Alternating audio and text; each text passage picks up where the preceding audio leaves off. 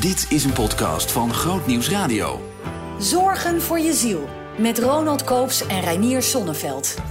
Goeiedag en van harte welkom bij de podcast Zorgen voor je ziel. De podcast waarin we altijd naar de binnenkant kijken. En dat doe ik niet helemaal zielig in mijn eentje. Nee, trouw met gezel, vriend, theoloog en schrijver Reinier Sonneveld. Hallo. Nou, dit is nog even een introductie, hè? Ja, ik, ik moet zeggen, het woord binnenkant, daar heb ik dan altijd van die plastische beelden bij. Ja, dat hoef je niet te doen. Het is radio, dus dat hoeft allemaal niet. oké, nee, nee, nee. De binnenkant. We dalen af naar onze ziel. Misschien moet ik het zo zeggen. Ja. Hey, goede vriend. We gaan het hebben over een mooi onderwerp, vind ik. We gaan het hebben over het onderwerp waarom falen oké is. En de vorige keer zeiden we al, let op, het is een podcast speciaal voor mannen. Ja, dus vrouwen moeten nu ook uitschakelen. Ja, laten we er even daar de tijd voor geven. Ja, mooi. Hey, jij hebt een boek mee. Eh, want het is niet alleen maar je eigen wijs natuurlijk. Nee, je gaat Ik, eh, heb heftig citeren. Ja, ik ga heftig citeren. Dus als je gebladen hoort, dan is Ja. dat. Ik heb het boek gelezen van eh, Nathan Vos. Man oh man heet het. En de, de ondertitel is Je faalt niet, je doet wat je kunt. En het, het verhaal is als volgt. Ehm, de familie Vos was een, en is denk ik nog steeds een evangelisch, eh, vrolijk evangelisch gezin. Half in de Indo volgens mij ook. Ehm, en eh, met aardig wat eh, kinderen. Ik, ik meen vier, als ik het er nu uit mijn hoofd zeg. Waaronder Meili Vos. Die, die kennen we denk ik. eh, De, de PvdA-kamerlid is zij geweest. Dus Oh ja. wel wat bekender geweest. Eh, en deze Nathan Vos is dan eh, redacteur bij Zin. Eh, dus de- de- dat is een, nou, wel een journalist die regelmatig van zich laat horen. En ze hebben een broer eh, gehad, eh, David Vos, die eh, een aantal jaar geleden zelfmoord heeft gepleegd. Zo. En eigenlijk op de dag dat dat gebeurde, besloot eh, deze Nathan om daar een boek over te schrijven. En niet eens per se om dat eh, te publiceren, maar gewoon om, om de boel te kunnen plaatsen en te verwerken. En uiteindelijk is dat een heel populair boek geworden. Dit is, weet ik veel, eh, nou echt de zoveelste druk al. L- Laten zien van de voorkant.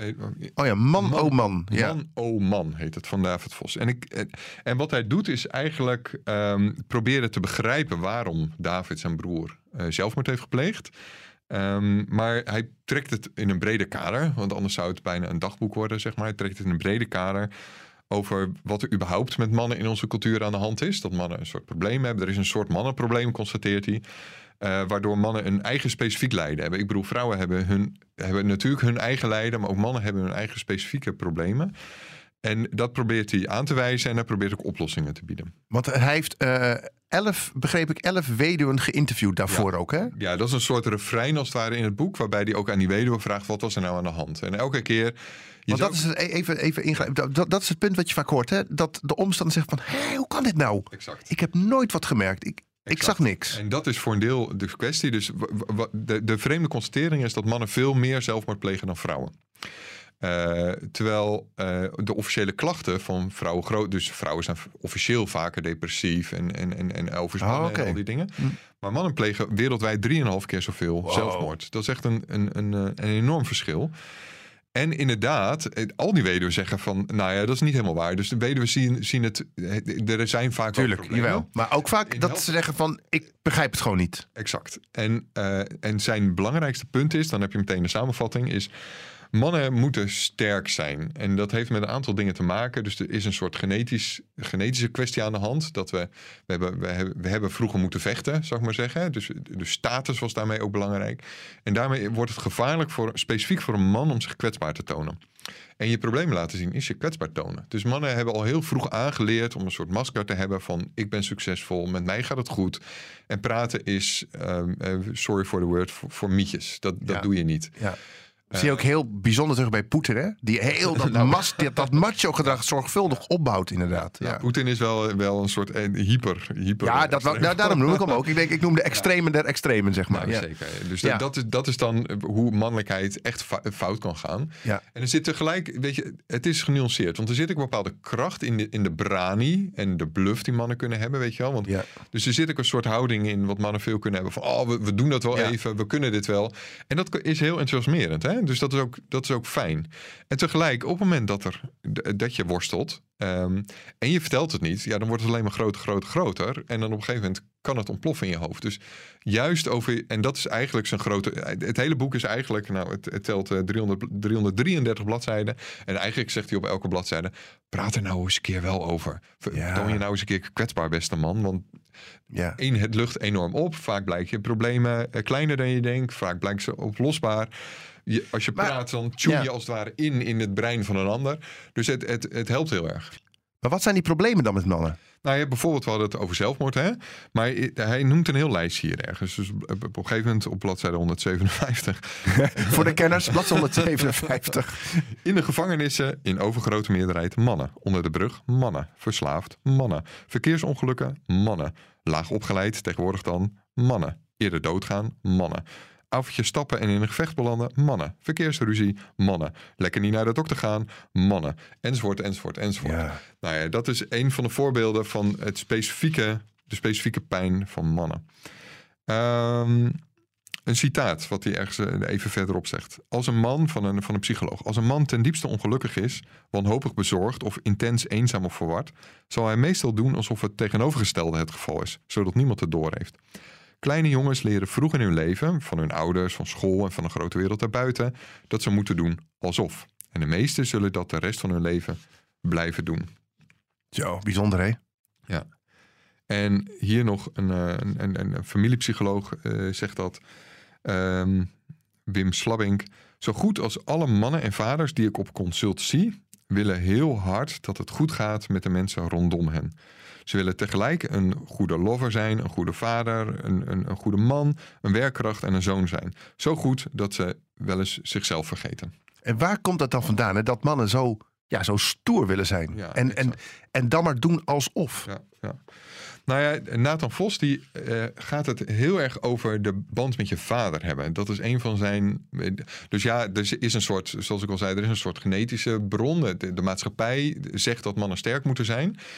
Eh, maar hij zegt dat vooral, ja, jouw vader is jouw eerste identificatiefiguur. Hè? Dus op het moment dat jij eh, een vader hebt die ook niet lekker kan praten, dan leer je dat niet. Eh, dus heel veel gaat over je band met je vader. Dus bijvoorbeeld op een gegeven moment stelt hij vragen ehm, over hoe, hoe, hoe ging dat nou met je vader. Bijvoorbeeld is het eigenlijk wel normaal dat je je vader niet echt kende. Je niet zeker weet of hij wel van je hield. Je geen rolmodel had. Je zomaar zelf volwassen moest worden.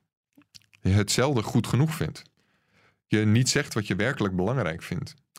Je altijd maar zegt dat het goed gaat. En nou, zo'n heel, heel rijtje vragen Hmm. die een beetje proberen te prikkelen eh, over de rol van je vader. Een stuk, even verder gaat hij door dan. Terug naar jouw pa. Hij spreekt je heel direct aan. of je van hem houdt of niet. Biologisch evolutionair gezien had hij jou moeten helpen van kind naar volwassen zijn. Hij had simpel gezegd een man van je moeten maken. Met als kantelpunt het moment dat dat fysiek werd. Zeg maar zo rond je eerste zaadlozing, of de eerste haren op rare plekken, of de baard in je keel, of je eerste wanhopige verliefdheid. Wellicht ergens tussen je twaalfde en de veertiende. En dat is eh, op dat exacte moment vermoedelijk niet gebeurd. Dus dat, hij, dat, dat ziet hij veel gebeuren bij mannen die worstelen. Dat hun vader er, toen he- het druk had. En er niet over kon Ja. praten. En, en niet zijn zoon heeft begeleid in die stappen. En heeft laten zien wat er normaal is. Hoe kun je dat nou doen? Hoe kun je verantwoordelijkheid nemen als kerel? Ja, ja. Wauw. En een van zijn adviezen is, eh, als het nog kan, om, is, eh, om eh, met je vader te gaan praten eigenlijk. dus gewoon een wandeling, concrete wandeling te gaan maken. eh, naar een restaurant te gaan met je vader. Wat dan ook. Dit zijn overigens dingen die ik heel concreet de laatste jaren zelf ben gaan toepassen. Hmm. En dat, dat is echt iets tofs. Omdat, ik weet eigenlijk niet of jouw vader nog leeft. Ja, zeker. Nou. Ja. En, eh, praat, je, praat je wel eens met hem? ja, af en toe wel. Ja, nou ja. Hier, hier staan een aantal adviezen om het een soort van gepland te doen. En met een soort van Ja, zodat je wel gedwongen wordt om... Ja, Ja, nou, hij zegt een paar dingen. Ik zeg het even heel kort. Ga met een open houding in. En niet met de vuist omhoog, dat hij zich moet verantwoorden. Praat alleen met hem. Eh, tweede, dus je moeder moet er niet bij zijn. Want die, die hebben, dat is ook wel mijn ervaring. Dus ze, weet je wel, ze hebben het prima samen. En mijn moeder is een schat. Maar eh, ze hebben gewoon hun eigen dynamiek. Ja. En, en, en het is gewoon het handigste om dat gewoon één op één met je, met je pa te hebben. De meeste mannen passen zich aan in een huwelijk. Nou ja, dat, dat is he- heel herkenbaar. Hè? Kies je plek zorgvuldig. Ehm, dus eh, in de zin van ga op een plek waar er eventueel tranen kunnen vloeien. En dat is in een café wat onhandig. Ja. Neem de tijd. Dus gewoon zonder deadline. Het, het, het mag allemaal twee, drie uur kunnen duren, zeg maar. Eh, begin met een simpel onderzoek. In de zin van gewoon laat hem gewoon nog, nog weer eens het verhaal van zijn jeugd vertellen. Wat gebeurde er? Wie waren zijn ouders? Wat heeft hij meegemaakt? Enzovoort. Wees ook voorbereid om jouw verhaal te vertellen. Eh, dat wat ik zo bijzonder vind- Het, bela- het belangrijkste. Wat ik zo bijzonder vind, is dat eigenlijk dat je hier ziet dat bijna het kind de Mhm. rol van de vader bijna overneemt of zo.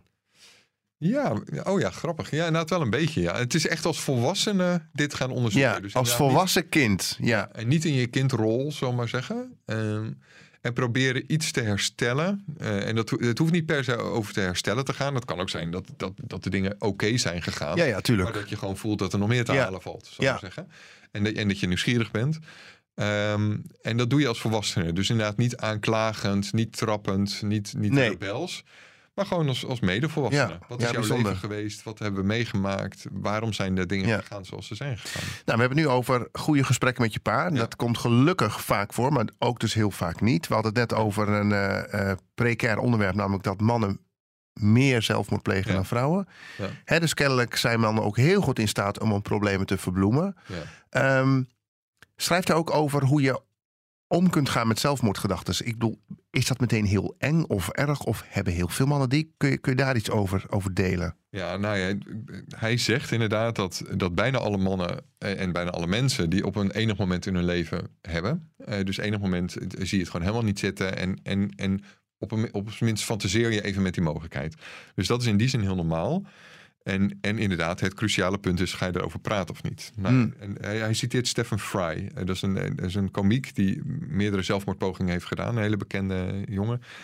Ja, Eh, rare zin, hè? Even, dat komt even bij me binnen. Hè? Ja, Dat is een komiek die meerdere zelfmoordpogingen heeft gedaan. Nou, Robbie Williams, daar, daar hebben we er nog een, hè? Ja, Dus, dus ja, het, het, eh, het kan heel dicht bij elkaar zitten. Komieken, veel komieken hebben inderdaad eh, hebben depressieve gevoelens. En dat is vaak zelfs de bron van hun, van hun comedy.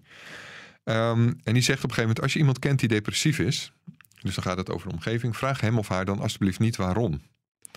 Een depressie is geen rechtstreekse reactie op een rottige situatie. Een depressie is er gewoon, net als het weer. Probeer de donkerte, lusteloosheid, de hopeloosheid, de eenzaamheid waar zo iemand doorheen gaat te begrijpen. Hmm. Wees er voor ze als ze hun hand uitsteken. Het is zwaar om een vriend te zijn met iemand die depressief is, maar het is een van de liefste, meest edele en beste dingen die je ooit zult doen. wauw, mooi gezegd. Dus volhouden, erbij zijn en, en dat is het wel zo'n beetje. Een aantal adviezen wat je wel kunt doen en wat je niet kunt doen. En wat je niet moet doen is ehm, de strijd aangaan. Dus eh, het is je moet het niet doen en hierom en hierom, het Ja, argumenteren. en het valt al wel mee. Of ja, Exact. ja naar regen komt zonneschijn. Regen komt Ja. zonneschijn. Ja. Ehm, en, en het andersom ook niet, namelijk meegaan in de zelfmoordgedachten. Ehm, onze boosheid, onze machteloosheid op die ander richten. De hulpverlener spelen, alsof jij het kunt oplossen. Hmm. Geheimhouding beloven, ook niet doen. Ehm, eh, anderen moeten betrokken worden. Je kan het niet in je eentje doen. Je kunt wel zorgvuldigheid beloven, maar geen geheimhouding.